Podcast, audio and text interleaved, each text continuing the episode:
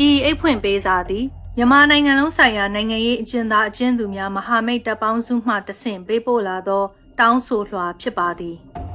2022ခုနှစ်စက်တင်ဘာလတွင်ကျင်းပသည့်ကုလသမဂ္ဂ၏89ကြိမ်မြောက်ထွေထွေညီလာခံတွင်ကျွန်ုပ်တို့မြန်မာပြည်သူတရက်လုံး၏ဒီမိုကရေစီနှင့်လူအခွင့်အရေးများအတွက်ရဲဝံ့စွာရက်တည်ပေးသော ကုလသမဂ္ဂဆိုင်ရာမြန်မာအမြဲတမ်းကိုယ်စားလှယ်တာမတ်ကြီးဦးကျော်မိုးထွန်းကိုသာဆက်လက်တက်ရောက်ခွင့်ပြုရန်ရည်ရွယ်ပါသည် ယခုလက်ရှိမြန်မာနိုင်ငံတွင်အကြမ်းဖက်စစ်ကောင်စီသည်လက်နက်အားကိုဖြင့်အဓမ္မအာဏာလူယူကာစစ်ရာဇဝတ်မှုမျိုးစုံကိုကျူးလွန်နေကြောင်းမြမပြည်သူလူထု၏အသက်အိုးအိမ်စီးစိမ်တို့မှလည်းအကြမ်းဖက်တပ်ဖြတ်ဖျက်ဆီးခံနေရကြောင်း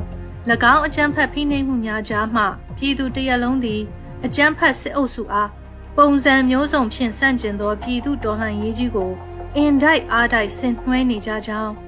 ဒီမိုကရေစီလိုလားသောမြန်မာပြည်သူလူထုနှင့်အတူ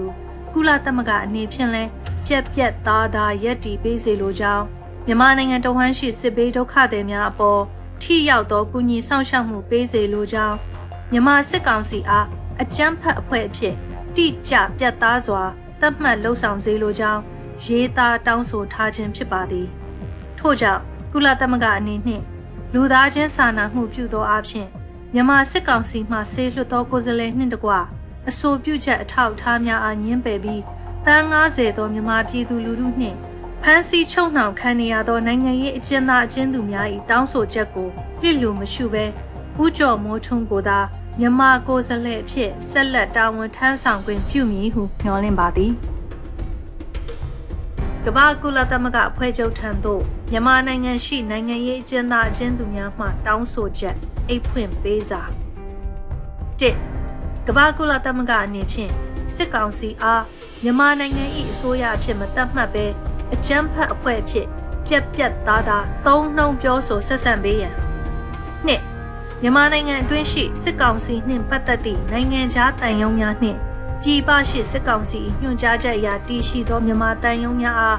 အတိအမှတ်မပြုဘဲပြတ်သားစွာညှင်းဆိုပေးရန်၃ မြန်မာနိုင်ငံ၏ပြည်သူအစိုးရလက်ထက်၌ဖွံ့ဖြိုးတိုးတက်ခဲ့သောပြည်내တိုင်းများရှိမြန်မာပြည်သူများအားစစ်ဘေးဆိုင်ရာအတိဒုက္ခရောက်စေရန်ရည်ရွယ်ချက်ဖြင့်အကြောက်တရားသွင်းကာစစ်လေရင်များဖြင့်ပြစ်ခတ်တိုက်ခိုက်လျက်ရှိမှုအပေါ်